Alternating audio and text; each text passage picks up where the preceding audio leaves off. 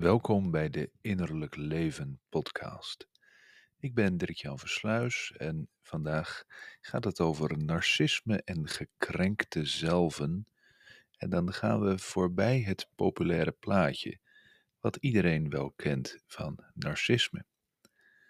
Ik zou om te beginnen iets, iets leuks willen aanbevelen. Ik bekeek deze week een gesprek van psychiater Jim van Os bij het YouTube-kanaal en de podcast van De Nieuwe Wereld. En De Nieuwe Wereld heeft eh, nog niet zo heel veel psychiatrie en gezondheidszorg uh, aan tafel gehad, verhoudingsgewijs. Het is ook een politiek en maatschappelijk georiënteerde talkshow, eigenlijk met verdiepende gesprekken. Uh, Jim van Os heeft een heel charmant gesprek, zou ik het willen noemen, gevoerd over onder andere diagnostiek. En wat betekenen die labels nu eigenlijk in een werkrelatie met de patiënt? En kun je daar wat mee? En ik vond het eigenlijk een verademing, omdat ik natuurlijk ook al zolang ik in het werkveld zit, mijn bedenkingen heb en zelfs eigenlijk daar ronduit op tegen ben om met zo'n systeem te werken. Um, maar ik vind het heel leuk als een gelouterde psychiater, die eigenlijk op alle mogelijke manieren gerespecteerd wordt, dat op een hele luchtige, niet boze of verontwaardigde manier heel overzichtelijk kan neerzetten. Uitstekend gesprek om nog eens na te kijken en ik zet die eh, onderin de link bij de podcast. Verder over het onderwerp van vandaag, want uh, deze introductie is niet voor niets. Als we over narcisme spreken, dan is daar eigenlijk altijd meteen een label. Dat label, dat is natuurlijk logisch, want ja, eigenlijk zijn alle psychiatrische klassificaties van huis uit ook labels. En zo noemen we dat soms in de volksmond ook stickertjes plakken, etiketten plakken, labelen. Sommige mensen gaan daarom heel moeilijk in therapie, omdat ze bang zijn voor die labels. Natuurlijk valt er ook nog wat van te zeggen. Hoe gaat de buitenwereld, buiten de therapiekamer, met die labels om? Hoe zit dat bijvoorbeeld als het gaat om afgekeurd worden of een verklaring in de ziektewet?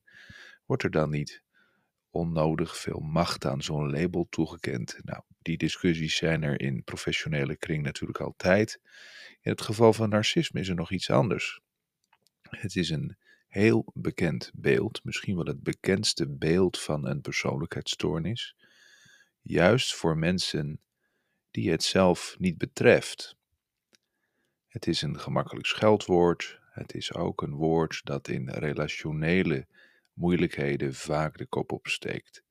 Het is ook een woord dat je in het bedrijfsleven wat tegenkomt, het stereotype beeld van de narcistische directeur of CEO is natuurlijk eigenlijk best wel een beetje in ons collectieve geheugen opgeslagen inmiddels. En op een of andere manier, heb ik ook eerder in deze podcast wel beoogd, is het fascinerend voor mensen om met narcisme bezig te zijn. Uh, maar op een andere manier, en dat interesseert mij dan weer meer, en dat is ook de reden dat we er vandaag over praten, is het ook een beeld dat mensen nogal eens inzuigt. Je kunt natuurlijk heel veel lijstjes lezen en wanneer daar echt een liefdesrelatie of een werkrelatie met een narcist is, dan uh, doet dat een, heel, een, hele hoop. En dat betekent ook dat ons bewustzijn nog wel eens een beetje vernauwt. En ik voelde de behoefte om dit eens een keer een beetje groter te maken. En vooral te kijken naar de dingen van narcisme waar in mijn ervaring niet zoveel over geschreven en gesproken wordt. En dat zijn bijvoorbeeld invalshoeken als hoe zit het nu met narcisme bij vrouwen? Hoe zit het er nu eigenlijk mee wanneer je narcisme in een relatie tegenkomt? Uh, wat zegt dat dan over de partner? En hoe gaat de partner daarmee om? Nog een andere invalshoek. Uh, waar gaat het eigenlijk over bij narcisme? Is het alleen maar het stereotype beeld van de klootzak? Of hebben we te maken met een heel diep gekrenkt zelf, waar nog wel overlap is met andere diep liggende bestaanswonden die er op een lelijke manier uitkomen. Nou, deze invalshoek wilde ik vandaag allemaal eventjes meenemen met je, met natuurlijk het doel om je te inspireren en aan het denken te zetten, een nieuwe kijk te geven. Narcisme is heel vaak een scheldwoord en het roept ook vaak een dader-slachtoffer dynamiek op. Het stereotype plaatje is toch een, wolf in schaapskleren. Een man over het algemeen die relatief succesvol of geliefd en charmant is, maar binnenskamers een ongelooflijk destructief mens blijkt te zijn. Met alle geheimen daaromheen. Een vrouw die daaronder lijdt en die vaak zelf wat afhankelijke karaktertrekken vertoont, niet bij hem wegkomt en langzaamaan verder en verder afglijdt.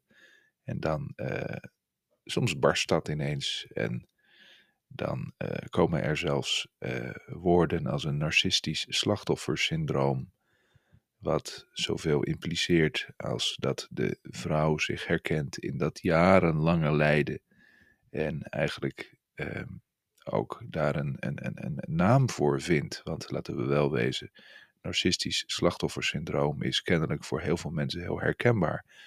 Maar het is niet een psychiatrisch label en het is al helemaal niet gestaafd. Maar goed, dat is niet devaluerend bedoeld, want er zijn wel meer termen die vooral herkenbaar zijn voor mensen. En soms dient een term daar ook voor, dat mensen zich ermee kunnen identificeren. En vervolgens moeten we misschien nog eens gaan kijken hoe nauwkeurig is zo'n term eigenlijk. Hetzelfde zou je kunnen zeggen over relatieverslaving bijvoorbeeld. Juist vrouwen vaak, die vaak in eh, ja, ongezonde pathologische relaties blijven steken of blijven hangen. En dan wordt behalve codependence ook nog wel eens over relatieverslaving gesproken. Wat een beetje impliceert dat de, ja, de, de, de, slechte, de slechte vent eigenlijk een, een, een verslavingsobject is.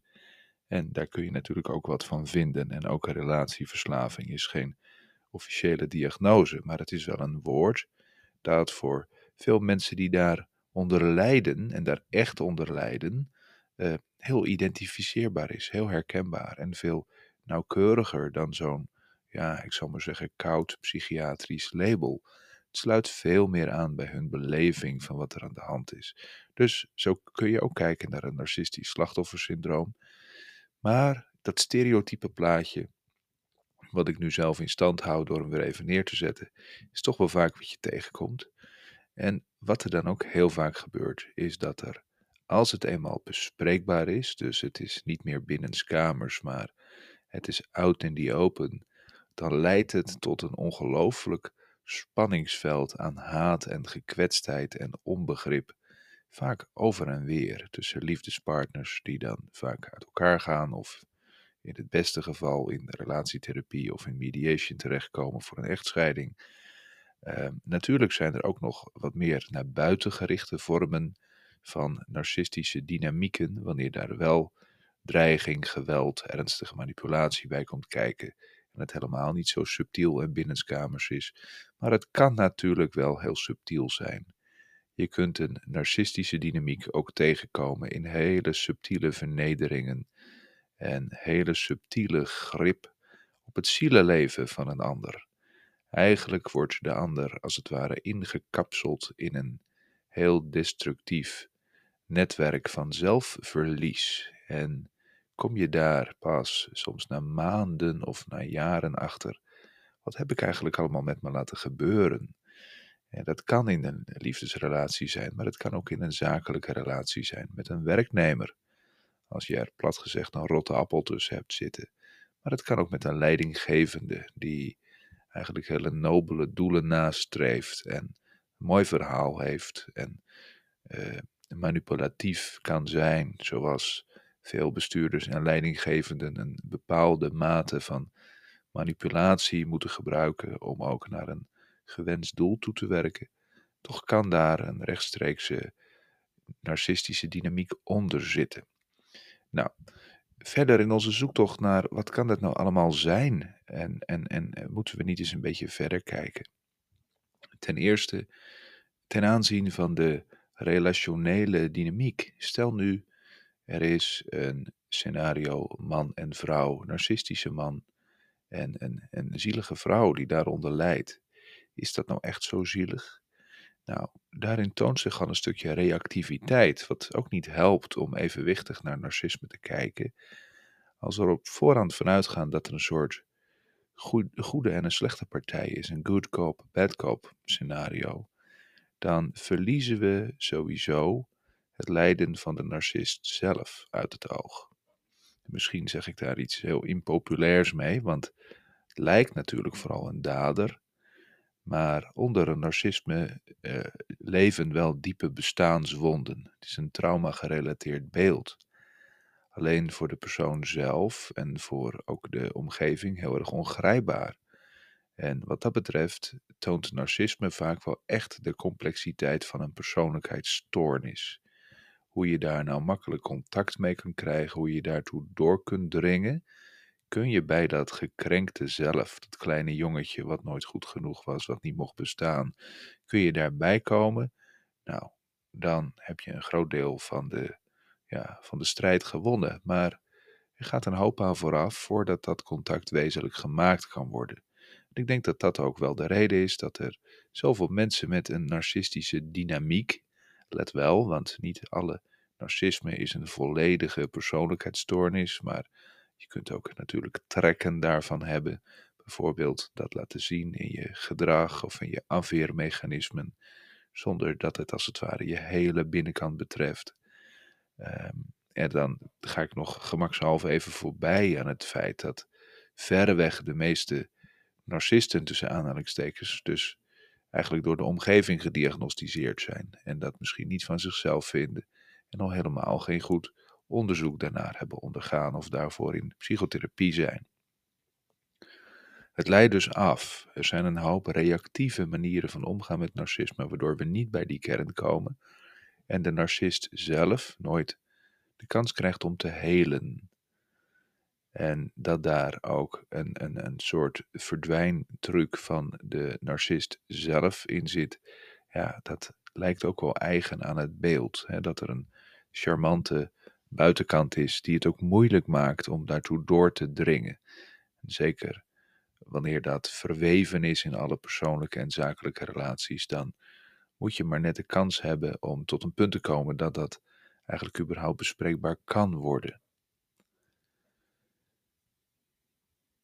Als we dan toch in relationele sfeer blijven, kunnen we dus naar die beide partners kijken. En dan gaat er vaak veel aandacht naar het wangedrag van de narcist. Maar je kunt minstens evenveel vragen stellen over wat zegt dat nou, in dit voorbeeld van die vrouw? Waarom is ze hiertoe aangetrokken geweest? Want ooit is die relatie begonnen. Uh, was dat toen al uh, ja, in manifestatie of zat dat nog onder water? Uh, wat maakt dat die vrouw kennelijk toch op een of andere manier zichzelf en haar grens is kwijtgeraakt? En hoe reageert ze op eigenlijk deze interactie? Is er een intense boosheid en haat? Is daar een, een, diepe pijn en diep verdriet? Als zij zich daarvoor laat begeleiden door een coach of therapeut, gaat dat dan om het naar buiten kijken, naar hoe groot de klootzak die man wel niet is? Of kan ze ook naar haar innerlijke lijden kijken, misschien de systemische verbanden die daar zijn? Want ja, daarmee trek ik het natuurlijk een beetje open, maar elke relatie zegt evenveel van jezelf als van de ander. En uh, dat is altijd een beetje lelijk om te zeggen wanneer daar uh, pijn of verwijtbaar gedrag bij komt kijken en al helemaal bij misdrijven, uh, zou ik daar natuurlijk heel voorzichtig mee zijn. Dan ga ik ervan uit dat je dat niet uitkiest, maar dat het je ook overkomt. Toch, wanneer daar een langere relatie is met een narcistisch getinte echtgenoot of echtgenote, kom ik zo nog op, moet je er denk ik ook van uitgaan dat je zo iemand wel zelf hebt uitgekozen. Niet alleen voor de persoonlijke aspecten daarvan, maar ook naar het zielenleven. Dus ergens heb je een verwantschap met diegene. En heb je kennelijk, zoals ja, hemellichamen om elkaar heen draaien, heb je toch jarenlang om elkaar heen gedraaid? Heb je intens contact en intense uitwisseling met elkaar gehad? En heeft dat ook een bepaalde plaats in je levenspad en in je ontwikkeling? En ja, ook als er een echtscheiding komt, voor de ziel bestaat scheiden in die zin ook niet echt. Je bent altijd toch aanwezig in elkaars bewustzijn, zelfs al ben je, ben je 30 jaar uit elkaar. En wat dat betreft is het denk ik belangrijk om te zien dat er ook veel afgesplitst wordt als het gaat om narcisme. Natuurlijk splitst de narcist zelf veel af. Hij of zij, nogmaals gaan we zo naar kijken, laat eigenlijk het gekrenkte zelf, het hele tere, zachte zelf, dat niet mag bestaan, dat gedownplayed is wellicht, uh, laat hij niet zien, maar het totale gevoel van er niet mogen zijn of minder waardig zijn, op alle mogelijke manieren, dat wordt in volle hevigheid afgereageerd op de omgeving. Dus dit is niet van mij, ik geef het lekker aan jou. En dat natuurlijk ook wel in grote mate of geheel onbewust. Dit is een vorm van afsplitsing, eigenlijk een stuk van ons eigen bewustzijn dat we niet kunnen dragen, wat we dus soort van gaan afreageren. Daarom kan narcisme ook zo'n toxische dynamiek hebben, want er komt heel veel trauma, last in dat afsplitsen en afreageren mee, wat als het ware als een soort infectie op een ander gaat rusten. Daarom kun je je ook, als je in gesprek bent met een eh, persoon met een hele narcistische wond en een narcistische dynamiek, ongelooflijk minder waardig voelen. Uh, je kunt je ongelooflijk gecontroleerd voelen. Je kunt allemaal dingen voelen die je in een neutraal contact eigenlijk niet zo opmerkt. En dat heeft alles met dit afsplitsen en overdragen, met die energetische en emotionele infectie te maken. Als dat nu gebeurt, dat afsplitsen, dan is het vaak ook wel verleidelijk om vervolgens als reactie ook weer af te gaan splitsen. Dus dan ga ik zeggen, uh, ja, dat zegt van alles over hem en niet over mij. En dat is misschien ook nog wel kloppend, een verdedigbaar punt. Maar wat er in die end gebeurt, is dat je dan ook geen verbinding aangaat met het ongeziene en gekwetste deel in die narcist. En dat zie ik eerlijkheidshalve toch wel vaak gebeuren, ook bij partners van vermeende narcisten, dat ze het ontzettend buiten zichzelf zoeken. Naar buiten blijven kijken, naar die slechterik, maar eigenlijk veel te weinig uh, relatie met zichzelf hebben om het ook in zichzelf te kunnen vasthouden. Hun eigen belevingswereld, hun eigen pijn, hun ervaringswereld. Eigenlijk in termen van zichzelf te gaan beleven. Ze zijn daar heel vaak nogal in bezig om dat via die partner te doen. En dat is eigenlijk natuurlijk ook weer deel van die heel erg afhankelijk makende dynamiek. Het is net alsof je die vervelende uh, en schadelijke relationele ervaringen met iemand anders, met je geliefde dan, hè, niet zomaar iemand anders, nodig hebt om ja, een spiegel te hebben om in jezelf te kijken of zo. Nou, mijn advies is om daar bewust van te zijn en daar ook nog eens wat verder in te kijken. Het gaat dus nooit alleen om die slechterik. De andere partij is ook een, een, een partij.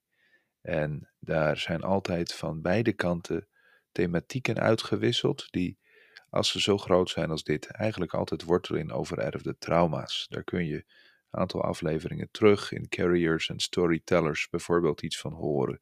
Ehm, het idee dat er altijd systemische lasten onder complexe thematieken op het psychologische vlak zitten, zou ik als stelling wel even zo neer willen zetten. Natuurlijk is er nestgeuren, is er een erfenis op DNA-niveau, maar ook als het gaat om hele destructieve, trauma-gerelateerde patronen, waar je in je leven niet zo de vinger achter kunt krijgen, kan het toch zijn dat je een stuk van de worsteling meedraagt, die in je voorgeslacht ook al aanwezig is. Dus het is heel vaak bijvoorbeeld zo dat vrouwen die in een pathologische relatie in therapie komen, een relatieverslaving ervaren, um, geneigd zijn om in eerste instantie te denken dat ze moeilijke mannen aantrekken omdat ze een moeilijke relatie met vader hadden. En dat lijkt op een bepaalde manier logisch. Hè? Je zoekt je vader als het ware waarop in je partner. Maar onderliggend is daar vaak juist een probleem aan de moederlijke zijde. En uh, zo zou je kunnen zeggen, er ligt altijd een zekere bestaanswond onder die overerfd is. En het is echt wel aan te bevelen om een beetje uit te zoomen van die dynamiek in relaties met narcisme. En te zien waar komt die bestaanswond bij mij nou vandaan. En ook wat wil hier gebeuren? Want het zou toch zonde zijn als zo'n moeilijke relatie voor niks was. En je daarmee niet naar binnen kunt keren. Om als het ware te zeggen, ja, het was vijf jaar ongelooflijk zwaar. Maar het heeft me eigenlijk gebracht dat ik de echte thematieken en rode draden in mijn leven ben gaan zien. En Dat ik heb leren zien dat het ook mijn eigen pad is en wat ik hiermee moet doen en wat ik hierin te gaan heb. Zoals aangekondigd, ook eventjes verrekijkend naar hoe zit het nou met uh, voorbij het stereotype plaatje van de mannelijke narcist. Zijn er ook vrouwelijke narcisten? Het antwoord is ja, natuurlijk zijn die er. Alleen uh, het grote probleem is dat we narcisme vaak zelf opplakken, dus niet de psychiater, maar wij als gewone mensen tussen aanhalingstekens. En dat we dat nou eenmaal conform het stereotype plaatje vaker bij mannen doen dan bij vrouwen.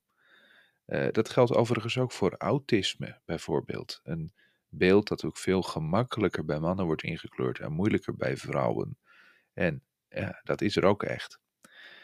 Um, Dirk-Jan, wat is dat nou? Je bent toch niet zo van de labeltjes en hoe kom je nu op dat narcisme bij mannen en bij vrouwen? Nou, het gaat mij natuurlijk ook niet om dat label. Het gaat mij er uiteindelijk om dat je het bewustzijn hebt om te kunnen zien wat er aan de hand is, zodat je daarmee weer verder kunt, verder kunt ontwikkelen, dat het ook tot bewustzijnsgroei kan leiden. En uh, daarin moet je denk ik ook meenemen dat uh, vrouwen wel degelijk een narcistische persoonlijkheidsstoornis of eigenschappen daarvan kunnen hebben, maar dat het zich vaak op een minder stereotype manier uit.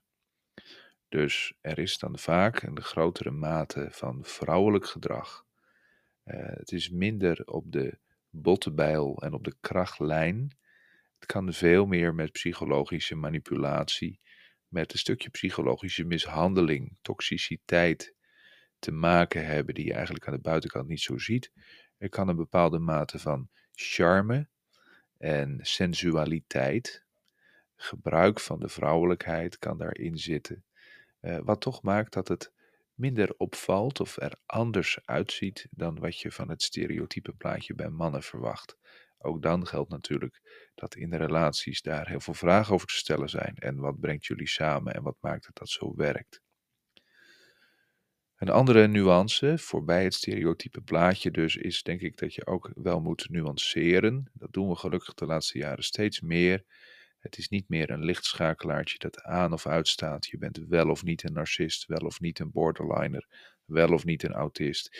Nee, het is ook een spectrum. Je kunt van sommige eigenschappen meer of minder hebben. Nou, dat dat allemaal wat soepeler wordt, dat is mij op zich muziek in de oren. Maar ehm, als het gaat over narcisme, denk ik dat je in hele belangrijke mate uh, moet zien dat het om bestaanswonden gaat die nog niet geheeld zijn. En dat er ook een hele belangrijke mate van zogenaamde reenactment, een voortdurende cyclische herhaling van wonden in zit. Dus we zien vaak bij ongeheelde trauma-gerelateerde verwondingen dat die verwonding zich zomaar herhaalt. Niet helemaal on purpose misschien, maar dan toch tussen aanhalingstekens per ongeluk. Het is alsof het trauma zichzelf weer opzoekt en het patroon blijft herhalen. En dat is in de regel omdat de wond onder water zit. Dus zolang we die wond niet onder ogen zien, blijft die zich herhalen totdat uh, er sprake kan zijn van bewustwording, van heling. En dan doorbreekt eigenlijk die cyclus. Het is van Carl Gustav Jung de uitspraak dat eigenlijk ongeheeld verleden zich blijft herhalen in ons leven. En we noemen dat dan ons lot of destiny of iets dergelijks. En ook Thomas Hubel, de bekende bewustzijnsgoeroe en traumawerker, heeft heel veel uitspraken gedaan die in deze richting wijzen. En ook zijn boeken zijn erg goed en mooi om hierover te lezen.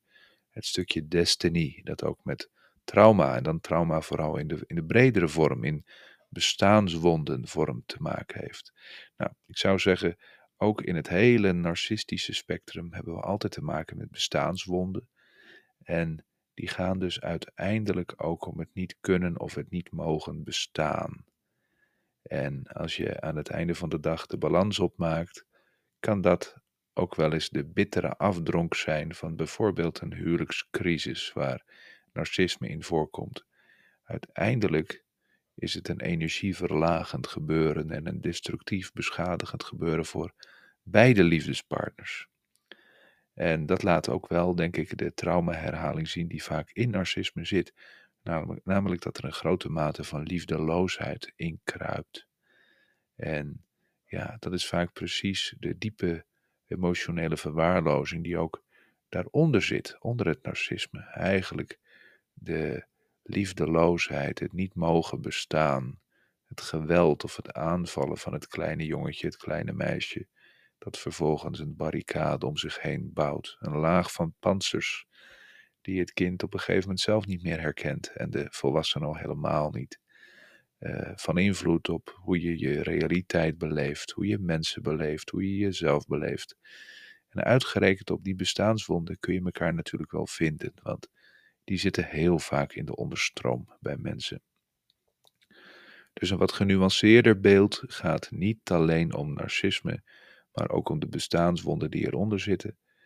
En ik zou ook mee willen geven, we kennen bijvoorbeeld eh, de uitdrukking narcistische dynamiek of narcistische afweer. Daarmee zeggen we ook al zoiets als: het hoeft niet een volledige persoonlijkheidsstoornis te zijn om toch elementen hiervan aan te treffen. En die elementen die zijn soms ook al beschadigend in zichzelf. Dus wanneer daar bijvoorbeeld een hele defensieve en richting de zender van de feedback aanvallende of devaluerende houding is, devalueren in het algemeen is een slecht teken wat dat betreft, kan duiden op een narcistische dynamiek. En dan gaat er meteen al een hoop liefde en contact verloren. Dus dat is misschien wel een heel belangrijk advies om ook mee te nemen. Uh, als je kijkt naar een narcistische dynamiek, worden mensen nu opgebouwd? Is er een, een toename van contact, van liefde, van vertrouwen? Of worden mensen ook gedevalueerd? Kun je contact met iemand krijgen? Of kom je er uiteindelijk net niet bij? Ten slotte, als het gaat over narcisme, denk ik dat het heel belangrijk is om in de spiegel te kijken. Ehm, er is een mooi boek over narcisme van Martin Appelo, wat uh, ook uh, over de spiegelfunctie gaat. Spiegel voor narcisten, meen ik dat het boek heet. In dit geval zou ik zeggen, narcisten zijn ook een spiegel voor niet-narcisten. Hoe kijken wij naar onszelf? Leggen wij ons lijden buiten onszelf of binnen onszelf? En kunnen we ons eigenlijk wel goed identificeren met wie we zijn en wat we nodig hebben en wat we meemaken? Die vragen blijven vaak een beetje onderbelicht. En ik hoop dat dit helpend is voor je om nog eens te herdenken en te heroverwegen wat vind ik daar nu eigenlijk van? Waar heb ik nu eigenlijk mee van doen? En wat zou het grotere plaatje kunnen zijn voor mijzelf wanneer ik nadenk over het narcisme of het narcistische gedrag bij mezelf of bij iemand anders? Wil je hierover in gesprek? Uh, is dat natuurlijk altijd mogelijk. Uh, wij werken veel met uh, mensen die uitgemaakt worden voor narcist. Wij werken vaker met mannen dan met vrouwen. En um, soms hebben mensen ook een narcistische dynamiek en willen ze daar zelf aan werken, want anders komen ze niet.